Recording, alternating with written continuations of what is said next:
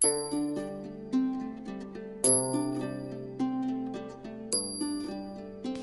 is Radio NUG, the voice of the National Unity Government of Myanmar, broadcasting for the Spring Revolution. Radio NUG is transmitting from shortwave 16 meter, 17.710 megahertz daily at 8 a.m. and 8 p.m.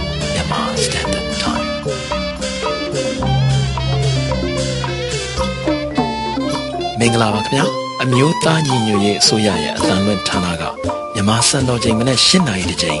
၈နာရီတစ်ချိန်လိုင်းဒိုမီတာ16 19ဒသမ9တစ်တညာမဂါဟတ်မှာနေ့စဉ်အသံလွှင့်ပေးနေပါပြီမြန်မာနိုင်ငံသူနိုင်ငံသားများမင်္ဂလာအပေါင်းနဲ့ပြည့်စုံကြပါစေခုချိန်ကစပြီး Radio NUG အစီအစဉ်လေးကိုဓာတ်ရိုက်အသံလွှင့်ပေးနေပါပြီ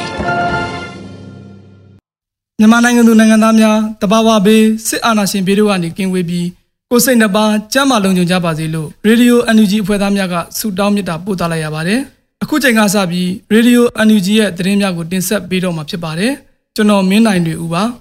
။အခုပထမအဦးဆုံးအနေနဲ့ပြည်ထောင်စုသမ္မတမြန်မာနိုင်ငံအမျိုးသားညီညွတ်ရေးအစိုးရကနိုင်ငံတကာရာဇဝတ်ခုံရုံးရဲ့တရားစီရင်ပိုင်ခွင့်ကိုလက်ခံသွားမှာဖြစ်ကြောင်းထုတ်ပြန်ခဲ့တဲ့သတင်းကိုတင်ဆက်ပေးပါမယ်။ မြို့သားညီညွတ်ရေးအစိုးရအနေနဲ့မြန်မာနိုင်ငံမှာစစ်တပ်ကကျူးလွန်ခဲ့တဲ့ရာဇဝမှုတွေအလုံးအတွက်တရားမျှတမှုကိုဖော်ဆောင်ဖို့ကြိုးပမ်းနေတယ်လို့နိုင်ငံတကာရာဇဝခုံရုံးရဲ့တရားစီရင်ပိုင်ခွင့်ကိုလက်ခံတယ်လို့ဒီကနေ့ထုတ်ပြန်လိုက်တာပါမြို့သားညီညွတ်ရေးအစိုးရရဲ့ယာယီသမရဒူဝလရှိလာဟာ2002ခုနှစ်ဇူလိုင်လ1ရက်နောက်ပိုင်းမြန်မာနိုင်ငံမှာကျူးလွန်ခဲ့တဲ့နိုင်ငံတကာရာဇဝမှုတွေနဲ့ပတ်သက်ပြီးခုံရုံးရဲ့တရားစီရင်ပိုင်ခွင့်ကိုသဘောတူလက်ခံကြောင်းကြေညာချက်ကိုနိုင်ငံတကာရာဇဝခုံရုံးရဲ့မှတ်ပုံတင်ရရှိစီကိုတင်သွင်းထားပါတယ်။ 2002ခုနှစ်ဇူလိုင်လ1ရက်ဟာနိုင်ငံတကာရာဇဝတ်ခုံရုံးရဲ့ရောမစာချုပ်မှာအစောဆုံးအကျုံးဝင်တဲ့ရက်စွဲဖြစ်တယ်လို့သိရပါတယ်။ဒီကြေညာချက်ကိုနိုင်ငံတကာရာဇဝတ်ခုံရုံးစာချုပ်ရဲ့ပုံမှန်စနစ်မြင့်ဆောင်3နှစ်အညီတင်သွင်းခဲ့တာဖြစ်တယ်လို့ထုတ်ပြန်ချက်မှာဖော်ပြထားပါတယ်။ဒီလိုတင်သွင်းခြင်းကရောမစာချုပ်မှာသဘောတူလက်မှတ်မရေးထိုးထားတဲ့နိုင်ငံကိုခုံရုံးရဲ့တရားစီရင်ပိုင်ခွင့်ကျင့်သုံးခြင်းအတွက်သဘောတူလက်ခံနိုင်စေတယ်လို့ဆိုပါတယ်။ဒီကြေညာချက်ကိုဆက်လက်စဉ်းစားနိုင်ဖို့ခုံရုံးရဲ့မှတ်ပုံနှင့်အရာရှိစီကို2021ခုနှစ်ဇူလိုင်လ18ရက်က လွှဲပြောင်းပေးကြတာလို့အမျိုးသားညီညွတ်ရေးအစိုးရကထုတ်ပြန်ခဲ့ပါတယ်။အမျိုးသားညီညွတ်ရေးအစိုးရဟာလူအခွင့်အရေးချိုးဖောက်မှုအလုံးအတွက်တာဝန်ယူမှုတေချာစေရန်နဲ့ပြစ်မှုကျူးလွန်သူများပြည်ထောင်ကနေလူကင်းနေခွင့်ကိုအဆုံးသတ်စေရန်ဂရုသစ္စာပြုထားတယ်လို့ထုတ်ပြန်ထားပါတယ်။ဒါအပြင်စစ်တပ်ကကျူးလွန်ဆဲဖြစ်တဲ့ရက်စက်ရုံမာတဲ့ရာဇဝမှုတွေကိုဆက်လက်သတိပြုမိတဲ့အပြင်အတိတ်မှာကျူးလွန်ခဲ့တဲ့ရာဇဝမှုတွေအလုံးအတွက်လည်းတရားမျှတမှုကိုဖော်ဆောင်ဖို့ကြိုးပမ်းလက်ရှိတယ်လို့ဖော်ပြထားပါတယ်။မြို့သားညီရေးအစိုးရဟာနိုင်ငံတကာနဲ့ပူးပေါင်းဆောင်ရွက်မှုနဲ့ နိုင်ငံတကာဥပဒေကိုလေးစားလိုက်နာမှုအတွက်မြန်မာနိုင်ငံကိုလူများသိကြမယ့်အနာဂတ်တစ်ခုစီကိုဥတီကမဆုံးမနစ်စ조사ဆောင်ရွက်ရှိတယ်လို့ထုတ်ပြန်ခဲ့ပါတယ်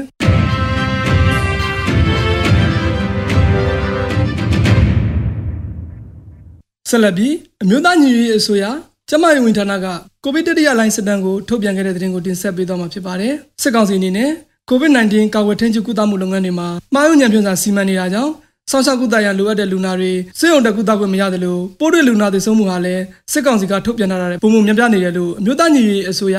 ကျန်းမာရေးဝန်ဌာနရဲ့ကိုဗစ်တတိယလိုင်းစစ်တမ်းမှာဖော်ပြထားပါတယ်။ပြည်သူလူထုအတွင်း COVID-19 တတိယလိုင်းဖြစ်ပွားမှုကိုလေ့လာဖို့ ဩဂတ်လ9ရက်နေ့ကစတင်စစ်တမ်းကောက်ယူခဲ့ရမှာ9ရက်အတွင်းဖြစ်ဆိုသူ25,485ဦးရဲ့အချက်လက်တွေကနေကနဦးတွေ့ရှိချက်ကိုထုတ်ပြန်ထားတာဖြစ်ပါတယ်။စစ်တမ်းဖြစ်သူ25,000ကျော်မှာရောဂါပိုးစစ်ဆေးသူ42ရာခိုင်နှုန်းဒီပါရှိခဲ့ပြီးတော့အဲ့ဒီလိုစစ်ဆေးသူစုစုပေါင်းရဲ့62ရာခိုင်နှုန်းကျော်ဟာပိုးတွေ့ခဲ့တယ်လို့ဆိုပါတယ်။စစ်ကူတာမှုခံယူတဲ့အပိုင်းမှာတော့အင်တာနက်နဲ့ဖုန်းတွေကနေတဆင့်ကုသမှုခံယူသူ34ရာခိုင်နှုန်းကုသမှုမရှာဖွေကြသူ24ရာခိုင်နှုန်းနေအိမ်မှာကုသမှုခံယူသူ21ရာခိုင်နှုန်း ပုဂ္ဂလိကစေယုံနဲ့စီကံတွေမှာ14ရာခိုင်နှုန်းရခိုင်အစိုးရရဲ့စေယုံမှာ9ရာခိုင်နှုန်းအခြားနည်းလမ်းတွေနဲ့ကုသမှုခံယူတာ2ရာခိုင်နှုန်းရှိတယ်လို့ဆိုပါတယ်။ဒီဆုံးလုံးမှာတော့စစ်ကောင်စီကထုတ်ပြန်တဲ့အချက်လက်တွေမှာ3.9ရာနှုန်းဖြစ်ပြီးအမျိုးသားညီညွတ်ရေးအစိုးရကျန်းမာရေးဝန်ဌာနရဲ့စစ်တမ်းမှာ9.2ရာခိုင်နှုန်းရှိပါတယ်။ဒါဟာပိုးရစစ်သေးသူ9840ဦးနဲ့ဆေးရုံမှာတည်ဆုံသူ904ဦးကိုအခြေခံက တွက်ထားတာဖြစ်ပါတယ်စစ်ကောင်စီကတည်ဆုံလုံးပေါ်ပြချက်ဟာစစ်တမ်းထက်တဝက်ခန့်လျော်နေနေတာကိုတွေ့ရတယ်လို့တည်ဆုံတဲ့နေရာကိုထည့်မစင်စားဘူးဆိုရင်တည်ဆုံလုံးဟာ15ရာခိုင်နှုန်းရှိတယ်လို့ဆိုပါတယ်တည်ဆုံသူများရဲ့83ရာခိုင်နှုန်းဟာနေအိမ်မှာတည်ဆုံခဲ့ပြီး19ရာခိုင်နှုန်းသာဆေးရုံမှာတည်ဆုံခြင်းချက်ကယောဂပြည့်နေသူတွေလုံလောက်တဲ့ကျန်းမာရေးဆောင်ရှောက်မှုမရဘဲဆေးရုံတက်ကုသခွင့်မရတာကိုထပ်မံမိပေါင်းထုတ်ပြနေတာဖြစ်တယ်လို့စစ်တမ်းမှာဖော်ပြထားပါတယ်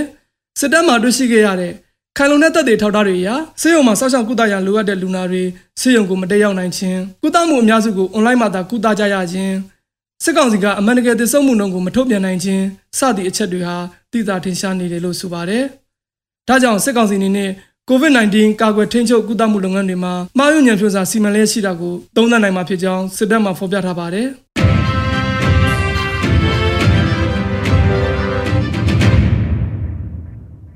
အခုနောက်ဆုံးအနေနဲ့စစ်သားနဲ့ရဲတပ်ဖွဲ့ဝင်တွေစီရီယံဝင်လာနိုင်စေဖို့အတွက် People Soldier လူမှုကွန်ရက်စာမျက်နှာကိုချိတ်ဆက်ပြီးတော့ဆက်သွယ်နိုင်တယ်ဆိုတဲ့သတင်းကိုတင်ဆက်ပေးသွားမှာဖြစ်ပါတယ်။စစ်သားနဲ့ရဲတပ်ဖွဲ့ဝင်တွေစီရီယံမှာဝင်လာနိုင်စေဖို့အတွက် People Soldier အမီယာ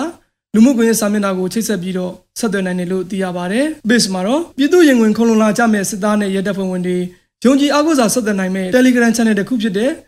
http:/t.me/ မြန်မာပြည်ဘက်ကိုလည်းမိတ်ဆက်ပေးထားပါသေးတယ်။ People Soldier စာမျက်နှာဟာအမျိုးသားညီညွတ်ရေးအစိုးရကာကွယ်ရေးဝန်ကြီးဌာနနဲ့ချိတ်ဆက်ပြီးစီရီယန်စစ်သားနဲ့ရဲတွေကိုတရားဝင်ဖြစ်စေဖို့စီရီယန်ကုတ်တွေထုတ်ပေးတဲ့လုပ်ငန်းစဉ်ကိုလည်းလှုပ်ဆောင်လျက်ရှိပါတယ်။အမျိုးသားညီညွတ်ရေးအစိုးရ NGO အနေနဲ့လည်းပြည်သူ့ဘက်ကိုရဲရဲဝံ့ရက်တီလာမဲ့စစ်သားနဲ့ရဲတွေကိုကြိုးဆိုနေပါတယ်။ People Soldier စာမျက်နှာကိုဆက်သွယ်သတင်းပေးလာတဲ့ဖြစ်ရပ်တစ်ခုအနေနဲ့နေပြည်တော်ကပ္ပစလေးထုတ်လို့ရဌာနမှာဌာနမှုရာထူးရယူထားတဲ့ဒုတိယဗိုလ်မှူးကြီးဇော်မင်းထွန်း ဂျီ2699ရှစ်အကြောင်းကိုလည်းရေးသားထားတာကိုလည်းတွေ့ရပါတယ်။လက်ရှိချိန်မှာယာရုတရည်အတွက်လက်ခံရာရှိငယ်တွေ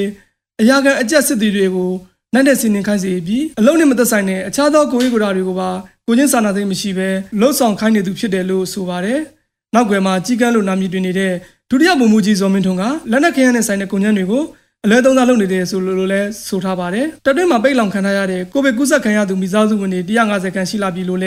ည်း People Soldier စာမျက်နှာကိုသတင်းပေးလာသူကဆိုပါတယ်အခုလိုပဲတက်တွင်းမှာဖိနှိပ်မှုတွေလှုပ်ဆောင်နေတဲ့အရာရှိတွေရဲ့အကြောင်းတွေကိုသတင်းပို့ဖို့ချင်းရင်တော့ People Soldier ကိုဆက်သွယ်ပြီးပေးပို့ကြဖို့တိုက်တွန်းလို့ဆိုထားပါသေးတယ်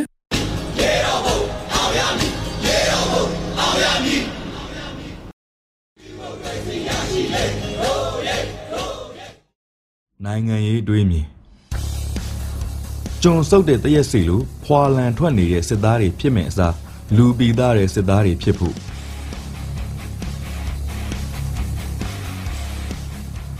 မကြိုက်လည်းမတတ်နိုင်ဘူးဗျာပြောရမှာပဲကျုပ်ကစစ်တပ်ကိုထောက်ခံတဲ့ဘက်ကပါ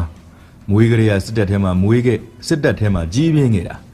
အမေမွေးကန်ဒီဘိုင်းနာတဲ့အချိန်မှာတော့ဗျာအဖေလှုပ်တဲ့သူကတက်ဆွဲထွက်နေရလို့ဘားတိုက်ကရဲဘော်တအုပ်ကြီးတက်ကဈေးဝယ်တီးကားကြီးနဲ့ဈေးရုံလိုက်ပို့ပြီးတော့ရဲဘော်တွေကြားမှာမွေးခဲ့တဲ့သူဗျစစ်တပ်ကိုတန်ရောတင်ကြီးတာမဆန်းဘူးလို့ထင်တာပါပဲဒါပေမဲ့ကျုပ်ကတက်ကိုဘယ်လိုမျိုးထောက်ခံတာလဲဆိုတော့က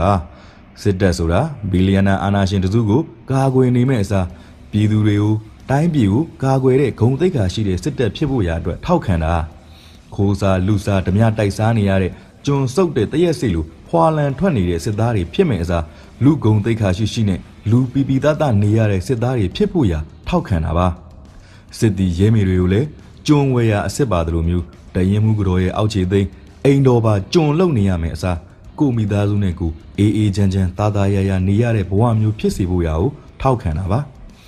တက်တဲဝင်မဲ့သူမရှိလို့တယောက်ကို10သိန်းပေးလူစိုးတစ်ခုဝရမ်းပြေးပါမကြံလူသစ်စုဆောင်းနေရတဲ့ဘဝကနေတိုင်းပြည်ကာကွယ်ခြင်းလို့စစ်သေးဝင်ကြတဲ့ပညာတဲ့လူငယ်တွေကိုစစ်စစ်လက်ခံနေရတဲ့တက်မတော်ကြီးပြန်ဖြစ်ဖို့ရာကိုထောက်ခံတာပါရဲဘော်တွေကရှေ့တန်းမှာချင်းကြားလွဲအာကာထွန်းပေါင်းမီနဲ့ငပြောဦးစုပ်နေရတဲ့အချိန်မှာခမားတို့ကာကွယ်နေတဲ့ဘီလီယံနာဘူချုပ်ကြီးမိသားစုတွေကနိုင်ငံခြားမှာရှော့ပင်ထွက်ဟမ်ပြိုင်ကားကိုစီနဲ့သိန်းချီတဲ့ဝိုင်ပလင်းတွေဖောက်တောက်ပြီးတော့ပျော်မြူးနေကြတာ ခမားတို့ရောခမားတို့မိန်းမတွေရောတက်ကတက်တာချောင်းကြီးရေးခေါင်းစဉ်အောင်မှာကြက်မွေးဘဲမွေးဘောင်ပေါက်ကစုံရက်ဆိုင်လုံနေကြတဲ့အချိန်ခမားတို့ရဲ့ဘူချုပ်ကြီးတွေကခမားတို့တသက်လာလာစုပြီးတော့ဝယ်လို့မရနိုင်တဲ့လက်ပတ်နိုင်ကြီးတွေသူ့မိန်းမအတွက်လက်ကင်အိတ်တွေလက်ဝတ်ရတနာတွေတိုက်အိမ်ကြီးတွေဇိမ်ခံကားကြီးတွေတိမ့်တောင်းချီဗန်စင်းနေနဲ့နိုင်ငံတော်ကြီးကိုချစ်ပြနေကြတာခမားတို့မြင်ရလားမြင်အောင်ကြည့်အေးခမားတို့တိုက်ပွဲကြသွားတဲ့အချိန်မှာတော့ရဲဘော် တင်သွားလို့ရသွားနိုင်ပြီဆိုတဲ့အမိတ်ပြန်တန်းကလွင်ခမားရဲ့မိသားစုတွေတက်လိုင်းငန်းတွေကနေဘယ်အချိန်ထွက်သွားရမလဲတွေးပူနေရတာပဲအဖက်တင်လိမ့်မယ်အဲ့ဒါအားလုံးခမားတို့သိပါတယ်သခင်အားရဂျွန်ဘာဝလောက်ခဲ့တဲ့ခမားတို့အတွက်တော့ဘယ်ပြည်သူမှပူဆွေးပြီးတော့ကြံရစ်ခဲ့တဲ့ခမားမိသားစုကိုဝိုင်းကူညီကြလိမ့်မယ်လို့မထင်နဲ့ Facebook မှာခမားတို့တက်ကတူတွေဘယ်သူတွေသေးတယ်ဘယ်နှယောက်သေးတယ်ဆိုတဲ့သတင်းတွေမြင်တိုင်းဝမ်းသာအားရဖြစ်နေကြတဲ့ပြည်သူတွေကိုမြင်ရောင်ကြည့်စမ်းပါဘာလို့အဲ့လိုဖြစ်တာလဲသိလား ခခမားတို့ဘယ်သူဆိုတာလဲသိလို့မဟုတ်ဘူးမုံလို့လည်းမဟုတ်ဘူးပြည်သူနှိပ်စက်တဲ့ကိုဂျိုးပဲကြည့်တဲ့ဘီလီယံနာဗိုလ်ချုပ်ကြီးတွေရဲ့လက်ကင်တုပ်အနေနဲ့ပဲခမားတို့မြင်လို့ဗျတမတော်ကိုဂျိုးအတွက်လက်ပါစီအနေနဲ့ပဲသဘောထားတဲ့ဗိုလ်ချုပ်ကြီးတွေအတွက်ခမားတို့တိုက်ခိုက်ပေးနေလို့တမတော်ရဲ့ဂုံတိတ်ခါတစ်ခုလုံးကိုသူ့မိမလက်ကင်အိတ်နဲ့အလဲလဲလုပ်တဲ့သူတွေအလံအောက်မှာခမားတို့ရက်တည်နေလို့အဲဒါကြောင့်မို့ခမားတို့ယွန်ရှာတာမုံတီးတာအော်နှလုံးနာနေကြပြီးတော့ ခမားတို့သေတာကိုဝမ်းသာအားရဖြစ်နေကြတာဗျတမတော်ရဲ့ဂုံတိတ်ခါဆိုတာတက်သားတွေရဲ့ကိုကျင့်တရားနဲ့စွန့်လွတ်စွန့်စားစိတ်ပေါ်မှာပဲမူတည်တယ်။ဘူကျုပ်ကြီးတွေရဲ့ထင်ရှားဆိုင်အမိတ်ပေါ်မှာမူတည်တာမဟုတ်ဘူး။ခမားတို့ရဲ့ရက်တီမှုဟာတက်မတော်ရဲ့ဂုံတိတ်ခါပဲ။ရန်သူကိုကာကွယ်တဲ့တက်မတော်သားဖြစ်ရက်တီကျင်တာလား။ပြည်သူတွေကိုရက်ရက်ဆက်ဆက်တပ်ဖြတ်တဲ့ဘူကျုပ်ကြီးတွေရဲ့လက်ကင်တုပ်ဖြစ်ရက်တီကျင်တာလားဆိုတာတော့ခမားတို့ရဲ့ရွေးချယ်မှုပဲ။ ခမားတို့ရဲ့ရွေးချယ်မှုပေါ်မှာမူတည်ပြီးခမားတို့ရဲ့ဇာပနာမှာပြည်သူတွေကဝမ်းနေလားပြည်သူတွေကဝမ်းသာကြမလားအားလုံးကွဲကွဲပြားပြားဖြစ်သွားလိမ့်မယ်ကျုပ်ပြောခဲ့တယ်လို့ပဲကျုပ်ကတော့တက်မတော်ကိုထောက်ခံပါတယ်အဲဂုံတိတ်ခါရှိတဲ့ပြည်သူချစ်တဲ့တက်မတော်ဖြစ်မဖြစ်ကတော့ခမားတို့ရဲ့ရက်တီချက်အပေါ်မှာပဲမူတည်တဲ့ရဲဘော်တို့ခုချိန်မှာပြည်သူချစ်တဲ့တက်မတော်သားဖြစ်ဖို့အချိန်မနှောင်းသေးပါဘူးဟောပြောရင်းဆိုရင်ဟောဟိုးမှမြင်နေရတဲ့တောင်ကုန်းကို အသေးခံတက်သိမ်းမှုခမားတို့ရဲ့ဘူချုပ်ကြီးကသူ့ရဲ့သိမ်းပေါင်းထောင်ချီတန်လက်စွပ်ဝတ်ထားတဲ့လက်နဲ့ညွန်ပြနေပြီကဲခမရဘာလုပ်မှလဲရဲပေါ့ဟုတ်ကဲ့ပါကိုဆိုင်တော်စင်ဦးရေးသားထားတာကိုကျွန်တော်ຫນွေလင်းဟန်ကတင်ဆက်ပေးခဲ့တာပဲဖြစ်ပါတယ်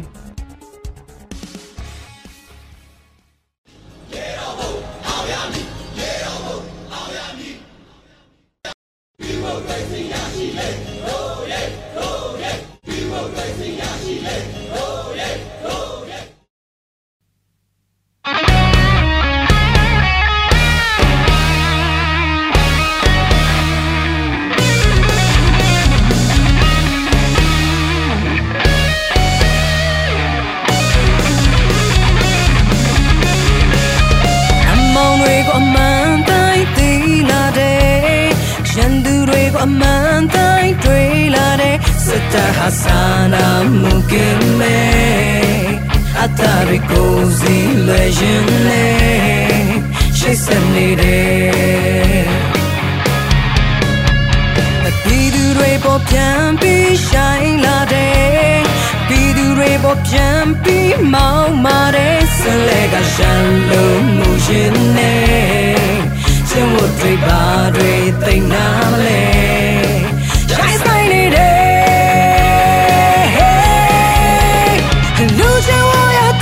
တံ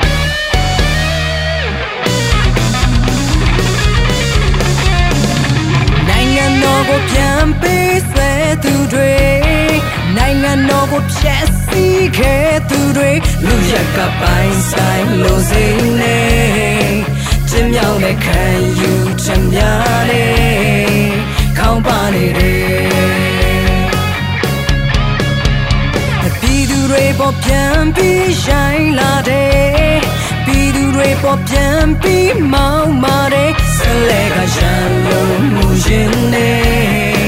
ကျုံဝတ်တွေပါတွေသိနာမလဲရိုင်းဆိုင်နေတယ်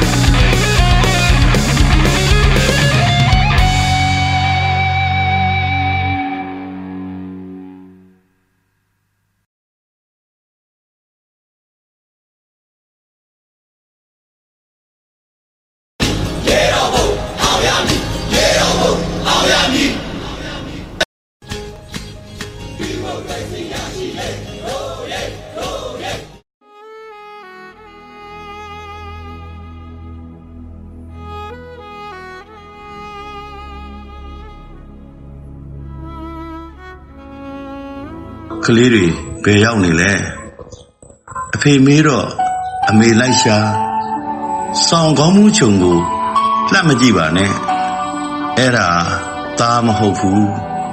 ဖက်ကောင်းအောင်ကြီးဖြစ်နေမှာပဒင်းပေါက်ကစွေကနေခုန်ချသွားတာလေကြောင်မဟုတ်ဘူးအမေညီမလေးပဲသားတို့အဆင်ပြေပါတယ်သားစလိတ်တူကိုယူပြီးတော က်နေတဲ့တငယ်ချင်းကိုခဲနဲ့လိုက်ပေါက်ခဲ့ရတော့လက်နည်းနည်းတော့တုံနေတာပေါ့တာဒီစာရေးနေချိန်မှာညီမလေးကသူတောတိုးကစုပ်ပြဲခဲ့တဲ့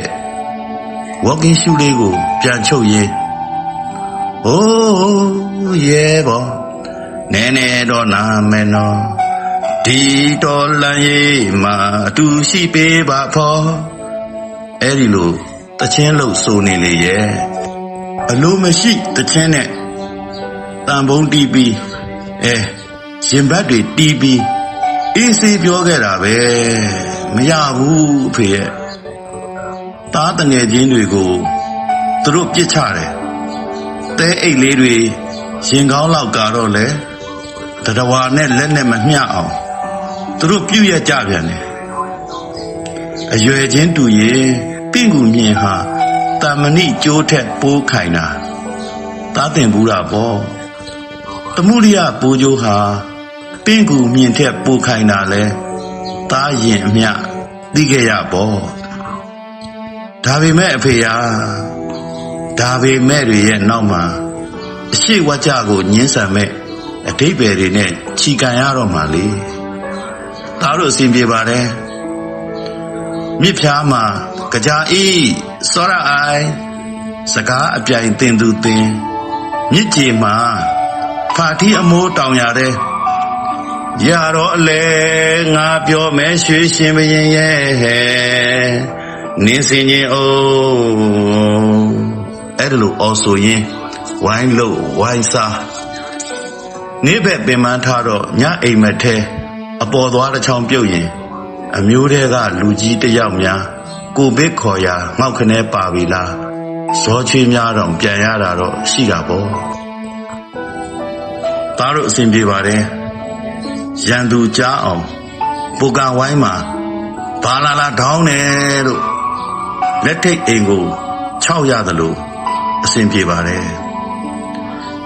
မျောနေကြတာလဲသိတယ်မီးပြင်းတိုက် ထုရိုက်ခံနိုင်မှတပဲကိုတဲကဓာကောင်းတွေထွက်လာမှလဲသားတို့သိတယ်လေသားတို့အစဉ်ပြေပါတယ်မနေ့ကလေ့ကျင့်ရင်ပြုတ်ကြလို့ရင်ဘတ်ညာဘက်နည်းနည်းအောက်ညကြတော့ပြန်ကျင်စောအလွမ်းကလက်သီးပုံအထိုးခံရလို့ဘယ်ဘက်ရင်ဘတ်နည်းနည်းစူးဒါကလွဲရင်အားလုံးအစဉ်ပြေပါတယ်အဖေ သားတို့ကိုလွမ်းရင်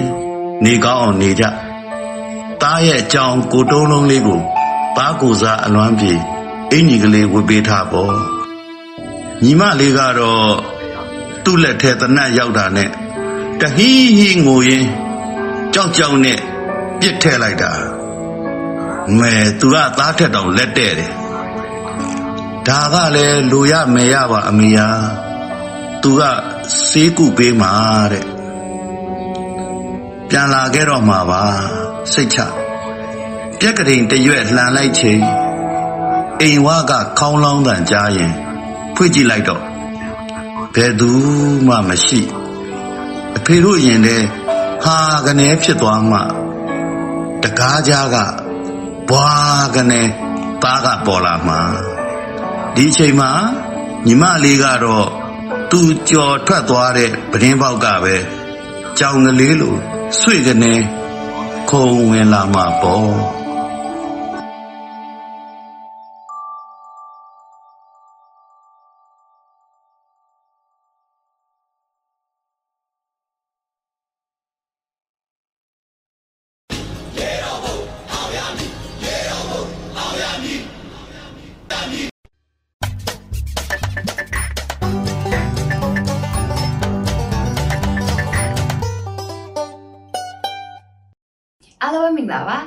ကတော့မြန်လို့ပဲဖြစ်ပါတယ်အပတ်စဉ်တင်ဆက်ပေးနေကြဖြစ်တဲ့သတင်းလားချင်းသားအစီအစဉ်ကနေပြန်လည်ကြိုဆိုလိုက်ပါတယ်ဒီတစ်ပတ်မှာလည်းအင်တာနက်ပေါ်ကသတင်းအမှားတွေကို PVTV အဖွဲ့သားတွေကအချက်လက်စီစစ်ပြီးဘယ်ဟာဂျင်းတက်လန်သတင်းတွေဖြစ်ကြောင်းအားလုံးကိုသိပေးတော့မှာဖြစ်ပါတယ်ဒီတစ်ပတ်ပြပြပေးခြင်းတဲ့သတင်းမှအကြောင်းအရာတွေကတော့2019ခုလုံးကရခိုင်ပြည်နယ်မှာဖြစ်ပွားခဲ့တဲ့ဖြစ်စဉ်ကိုပြန်လည်အသုံးချပြီးအကြမ်းဖက်စစ်ကောင်စီကိုအားပေးထောက်ခံတဲ့သူတွေကအန်ယူဂျီမှာအတိမတ်ပြုထားတဲ့ဘင်္ဂါလီလူမျိုးအစ္စလာမ်ဘာသာဝင်တဦးမှ ဗုဒ္ဓရုပ်ပွားတော်များအားဖြတ်စည်းဆိုပြီးဘာသာရေးမိုက်တိုက်ဖို့အတွက်သတင်းအမှားတွေဖန်တီးပြီးဖြန့်နေတဲ့အကြောင်းဒေါ်အောင်ဆန်းစုကြည်ကစစ်ရုံတကူတနေရတဲ့စစ်အာဏာရှင်ဟောင်းဦးတန်းရွှေကိုအမြန်ကြားမှာပါစေကြောင်းလက်ရင်းနဲ့ဆူတောင်းပေးထားတဲ့စာပို့ရဲဆိုပြီးဖြန့်နေတဲ့သတင်းအမှားအကြောင်း UN ကအမျိုးသားညီညွတ်ရေးအစိုးရကိုအတိမတ်ပြုပြီးမြန်မာစစ်တပ်ကဩဂတ်စ်လမကုန်ခင် NUG အစိုးရကိုအာဏာပြန်မအပ်ရင်စစ်ရေးအရာအရေးယူမယ်ဆိုပြီးတော်လန်ရေးကိုအာရောစီမဲ့ပန်းနိုင်မရောက်ခင်တတ်ထောင်သွားအောင်လုပ်တဲ့ရည်ရွယ်ချက်တွေနဲ့ဖြန့်နေတဲ့သတင်းမှအကြောင်းအရာတွေပဲဖြစ်ပါတယ်။ အရင်ဆုံးပြပြပေးရှင်တဲ့သတင်းမှအကြောင်းအရာကတော့အကြမ်းဖက်စစ်ကောင်စီကိုအားပေးထောက်ခံနေတဲ့အကောင့်တွေနဲ့စာမျက်နှာတွေ Telegram Channel တွေကနေဘာသာရေးမိုင်းတိုက်ဖို့အတွက်2019ခုနှစ်ကသတင်းအဟောင်းကိုလက်ရှိဖြစ်ပျက်နေတဲ့ပုံစံနဲ့သတင်းမှဖြန့်နေတဲ့အကြောင်းပါ။စစ်ကောင်စီအားပေးထောက်ခံတဲ့အကောင့်တွေကဖြန့်နေကြတဲ့သတင်းမှာတော့ NUG မှာအတိမတ်ပြုထားတဲ့ဘင်္ဂါလီလူမျိုးအစ္စလမ်ဘာသာဝင်တဦးမှဗုဒ္ဓရုပ်ပွားတော်များအားဖြတ်စည်းဆိုပြီးတော့ရေးသားဖြန့်ဝေနေကြတာပဲဖြစ်ပါတယ်။ ဒီသတင်းကို Google Reverse Image Search နဲ့ရှာဖွေစစ်ဆေးလိုက်တဲ့အခါမှာတော့ဒီပုံတွေက2019ခုနှစ်ကတည်းကအင်တာနက်ပေါ်မှာရှိနေပြီးသားပုံတွေပဲဖြစ်ပါတယ်။ဆက်လက်ပြီးသတင်းအကြောင်းအရာကိုထပ်မံစစ်ဆေးကြည့်လိုက်တဲ့အခါမှာတော့2019ခုနှစ်ကရခိုင်ပြည်နယ်တန်တွဲခရိုင်ရွှေလီတိုက်နယ်ကစုပုတ်ကုန်းကြီးရွာမှာဖြစ်ပျက်ခဲ့တဲ့သတင်းအဟောင်းဖြစ်ပြီးတော့လက်ရှိဖြစ်ပျက်ခဲ့တာမဟုတ်ပါဘူး။အဲ့ဒီတော့သတင်းကိုမြစ်စီမသတင်းဌာနနဲ့ BNI သတင်းအေဂျင်စီတို့မှတင်ထားခဲ့တာကိုအခုလိုပဲတွေ့ရမှာဖြစ်ပါတယ်။ ဒါကြောင့်မို့လို့စစ်ကောင်စီကိုအားပေးထောက်ခံတဲ့အကောင့်တွေကဖြန့်နေကြတဲ့အဲညူဂျီမှာအတိမတ်ပြုထားတဲ့ဘင်္ဂါလီလူမျိုးအစ္စလမ်ဘာသာဝင်တဦးမှဗုဒ္ဓရုပ်ပွားတော်များအဖြတ်စည်းဆိုတဲ့သတင်းကသတင်းအမှန်ချင်းသတင်းပဲဖြစ်ပါတယ်ရှင်ပြီးတော့ဘင်္ဂါလီဆိုတဲ့ဘာသာရေးဆိုင်ရာအငင်းပွားဖွဲ့ရအမုံတရားပွားများစေမဲ့စကားလုံးကိုတမင်ရည်ရွယ်ချက်ရှိရှိနဲ့တုံထားတာကိုတွေ့ရတဲ့အတွက်မိဘပြည်သူများအားလုံးကိုအထူးသတိပြုစေချင်ပါတယ်။ တစ်ချိန်ကစစ်တပ်ဘက်တော်သားတွေ NLD ပါတီကိုဘာသာရေးနဲ့အပုတ်ချခဲ့တယ်လို့အခုလည်း NUG ကိုအပုတ်ချခြင်းတဲ့လုပ်ရက်တစ်ခုသာဖြစ်ပါတယ်။ထုံးစံအတိုင်းနိုင်ငံရေးအကြက်တဲတစ်ခုတွေ့တိုင်းဘာသာရေးမိုင်းတိုက်အထီးအယုံတွေဖန်တီးမယ်ဆိုတဲ့ဇာညွန်အဟောင်းကြီးတစ်ခုပါပဲ။ဒေါသထွက်နေတဲ့လူအုပ်ကြီးတွေဖြစ်လာပြီးပြည်သူတွေအချင်းချင်းတက်ကြဖြတ်ကြတဲ့အခါသူတို့ရဲ့တက်ပြတ်မတော်ကြီးကဝင်ရောက်ထိမ့်သိမ်းပေးလို့တော်ပါသေးရဲ့ဆိုတဲ့အကွက်မျိုးအဘရိုနဲ့အဘသားသမီးတို့ကထက်မြော်လင့်နေကြတဲ့ပုံပါပဲ။ ကဲခေါင်းကြီးတော့ဘာအောင်မျောလင့်နေကြသေးရလဲဒေါသထွက်နေတဲ့လူအုပ်ကြီးနဲ့မဟုတ်ဘူးဒေါသထွက်နေတဲ့လူထုကြီးကိုဖေဖော်ဝါရီလ၁ရက်နေ့ကတည်းကခေါင်းကြီးတို့ပဲဖန်တီးပေးခဲ့ပြီးပြီလေအဲ့ဒီလူထုကြီးကဘသူ့ကိုဒေါသထွက်နေရလဲဆိုတော့အခုတိအချိန်ကောင်းနေစေဖြစ်တဲ့တော်လန်ခုခံမှုတွေဆန္ဒပြပွဲတွေ Facebook သတင်းဌာနတွေအောက်ကထောပနာတွေကိုကြည့်ရုံနဲ့သိနိုင်ပါတယ်ရှင်ဒါကြောင့်မိဘပြည်သူတွေအနေနဲ့လည်းဘာသာရေးနဲ့ပတ်သက်ပြီးတော့အကဲဆက်နိုင်တဲ့သတင်းတွေကိုတွေ့ရင်ချစ်ချင်းမယုံကြည်ကြဖို့အတွက်ကိုလည်းတိုက်တွန်းချင်ပါတယ်။ နောက်ထပ်ပြောပြပေးသွားမယ်သတင်းအမှတစ်ခုကတော့နိုင်ငံတော်အတိုင်ပင်ခံပုဂ္ဂိုလ်ဒေါ်အောင်ဆန်းစုကြည်ကစေရုပ်တကူတာမှုခံယူနေရတဲ့စစ်အာဏာရှင်ဟောင်းဦးတန်းရွှေကိုအမြန်ချမ်းမှပါစေကြောင်းလက်ရည်နဲ့ဆူတောင်းပေးတဲ့စာပို့ရဲဆိုပြီးဖြန့်နေတဲ့သတင်းအမှအကြောင်းပဲဖြစ်ပါတယ်။အဲ့ဒီသတင်းအမှဟာစစ်အာဏာရှင်ဟောင်းဦးတန်းရွှေနဲ့ဇနီးစေရုံတက်ပြီးစေကူတာမှုခံယူနေရတယ်ဆိုတဲ့သတင်းတွေထွက်ပေါ်လာခဲ့ပြီးဩဂတ်စ်လ16ရက်နေ့မှာအင်တာနက်ပေါ်မှာပြန့်နှံ့လာခဲ့တာပဲဖြစ်ပါတယ်။ပြန့်နှံ့လာတဲ့စာရွက်ကလက်ရင်းနဲ့ရေးသားထားတဲ့စာဖြစ်ပြီးတော့ရက်စွဲကတော့ဇူလိုင်လ17ရက်နေ့ဖြစ်ပါတယ်။အချက်လက်စစ်ဆေးချက်အရဦးတန်းရွှေစေးရုံတက်ရရဲဆိုတဲ့သတင်းထွက်ပေါ်လာခဲ့တာကဩဂတ်စ်လ12ရက်နေ့မှာပဲဖြစ်ပါတယ်။ဒါအပြင်နိုင်ငံတော်အတိုင်ပင်ခံပုဂ္ဂိုလ်ဟာသူ့ရဲ့ရှိနေတွေနဲ့တွေ့ခွင့်မရတာတော့ကြာမြင့်နေခဲ့ပြီဖြစ်ပါတယ်။အကြံဖက်စစ်ကောင်စီရဲ့မတရားဖန်ဆီးချုပ်နှောင်ခံထားရတဲ့ဒေါ်အောင်ဆန်းစုကြည်ဟာစာထဲမှာပါတယ်လို့ လက်ရှိတာဝန်ရှိအစိုးရ၏အကူအညီဖြင့်ဆိုတဲ့စကားလုံးမျိုးသုံးစရာဘာအကြောင်းမှမရှိပါဘူးအကြံဖက်စစ်ကောင်စီကိုဒေါ်အောင်ဆန်းစုကြည်တယ်မကပြည်သူတရက်လုံးကအစိုးရလို့မသတ်မှတ်ထားတဲ့အတွက်ကြောင့်မို့လို့ဒေါ်အောင်ဆန်းစုကြည်အနေနဲ့လည်းအစိုးရလို့သုံးဆွဲမှာလုံးဝလုံးဝမဖြစ်နိုင်ပါဘူးရှင်ဒါကြောင့်မို့လို့အင်တာနက်ပေါ်မှာပြန့်နေတဲ့ဒေါ်အောင်ဆန်းစုကြည်ကစစ်အာဏာရှင်ဟောက်ဦးတန်းရွှေကိုနေကောင်းပါစီအကြောင်းရေးသားပေးပို့တဲ့စာအတုဖြစ်ပြီးတော့တော်လန်ရေးကိုအာရော့အောင်ရည်ရွယ်ချက်ရှိရှိနဲ့ပြုလုပ်နေတဲ့သတင်းမှဖြစ်ကြောင်းအားလုံးကိုသိပေးချင်ပါတယ် နောက်ဆုံးအနေနဲ့ပြောပြပေးသွားမယ့်သတင်းမှာတော့ UN ကအမျိုးသားညီညွတ်ရေးအစိုးရကိုအတိမတ်ပြုပြီးမြန်မာစစ်တပ်ကဩဂတ်စ်လမကုန်ခင် NUG အစိုးရကိုအာဏာပြန်မအပ်ရင်စစ်ရေးအရာအရေးယူမယ်ဆိုပြီးတော်လှန်ရေးကိုအားရောစေမဲ့ပန်းတိုင်မရောက်ခင်တက်ထောင်သွားအောင်လုပ်တဲ့ရည်ရွယ်ချက်တွေနဲ့ဖြန့်နေတဲ့သတင်းမှအကြောင်းအရာတွေပဲဖြစ်ပါတယ်။အားလုံးသိရဲ့အတိုင်းပါပဲ လူတိုင်းကစစ်အာဏာရှင်စနစ်ကိုဖြုတ်ချချင်တာကြောင့်ပြည်တွင်းပြည်ပကသတင်းကောင်းတွေကိုပဲကြားချင်တဲ့အတွက်အင်တာနက်ပေါ်မှာကိုယ်စိတ်ခံစားချက်ကိုလှုပ်ခတ်စေမဲ့သတင်းမျိုးတွေ့ရင်ပြန်လည်မျှဝေလေးရှိတတ်ကြပါတယ်။ဒီသတင်းကိုအချက်လက်စစ်ဆေးကြည့်လိုက်တဲ့အခါမှာတော့အမျိုးသားညီညွတ်ရေးအစိုးရ NUG ကိုမြန်မာနိုင်ငံအစိုးရအဖြစ်ကုလသမဂ္ဂကတရားဝင်အတိမတ်မပြုရသေးတယ်လို့ဩဂတ်စ်လကောင်အာဏာမအပ်သေးရင်စစ်ရေးအရာအရေးယူမယ်ဆိုတာကလည်းသတင်းအမှားပဲဖြစ်ပါတယ်။ လာမယ့်စက်တင်ဘာလလယ်မှာကျင်းပမယ့်ကုလသမဂ္ဂအထွေထွေညီလာခံရဲ့နှစ်စဉ်အစည်းအဝေးမှာအဖွဲ့ဝင်9နိုင်ငံပါတဲ့အရေးချင်းစစ်ကော်မတီ Credentials Committee ကနေမြန်မာကိုဘယ်သူကိုစားပြုမလဲဆိုတာကိုဆုံးဖြတ်မှာပဲဖြစ်ပါတယ်။ဒါကြောင့် NUG အစိုးရအနေနဲ့မြန်မာနိုင်ငံရဲ့တရားဝင်အစိုးရအဖြစ် UN ရဲ့သတ်မှတ်ခံရခြင်းမရှိသေးပါဘူးရှင်။ဒါကြောင့်အင်တာနက်ပေါ်မှာပြန့်နှံ့နေတဲ့ UN ကအမျိုးသားညီညွတ်ရေးအစိုးရကိုအတိမတ်ပြုပြီးမြန်မာစစ်တပ်ကဩဂတ်စ်လမကုန်ခင် NUG အစိုးရကိုအာဏာပြန်မအပ်ရင် စီရေးအရာအရေးယူမယ်ဆိုတဲ့သတင်းကပန်းတိုင်မရောက်ခင်တက်ထောင်သွားအောင်လုပ်တဲ့သတင်းမှဖြစ်ပြီးတော့တော်လန်ရေးကိုအရှိန်ရော့စေဖို့အတွက်အာယုံပြောင်းတဲ့ခြင်းသတင်းပဲဖြစ်ကြောင်းကိုအားလုံးကိုအသိပေးချင်ပါတယ်။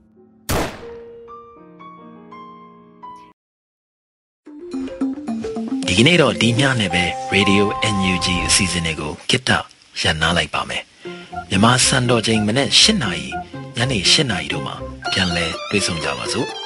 လိုင်းဒိုမီတာ16 19တက်သမ9တက်ဆုံးညမဂါဟတ်မှာဖမ်းယူနားဆင်နိုင်ပါတယ်မြန်မာနိုင်ငံသူနိုင်ငံသားများ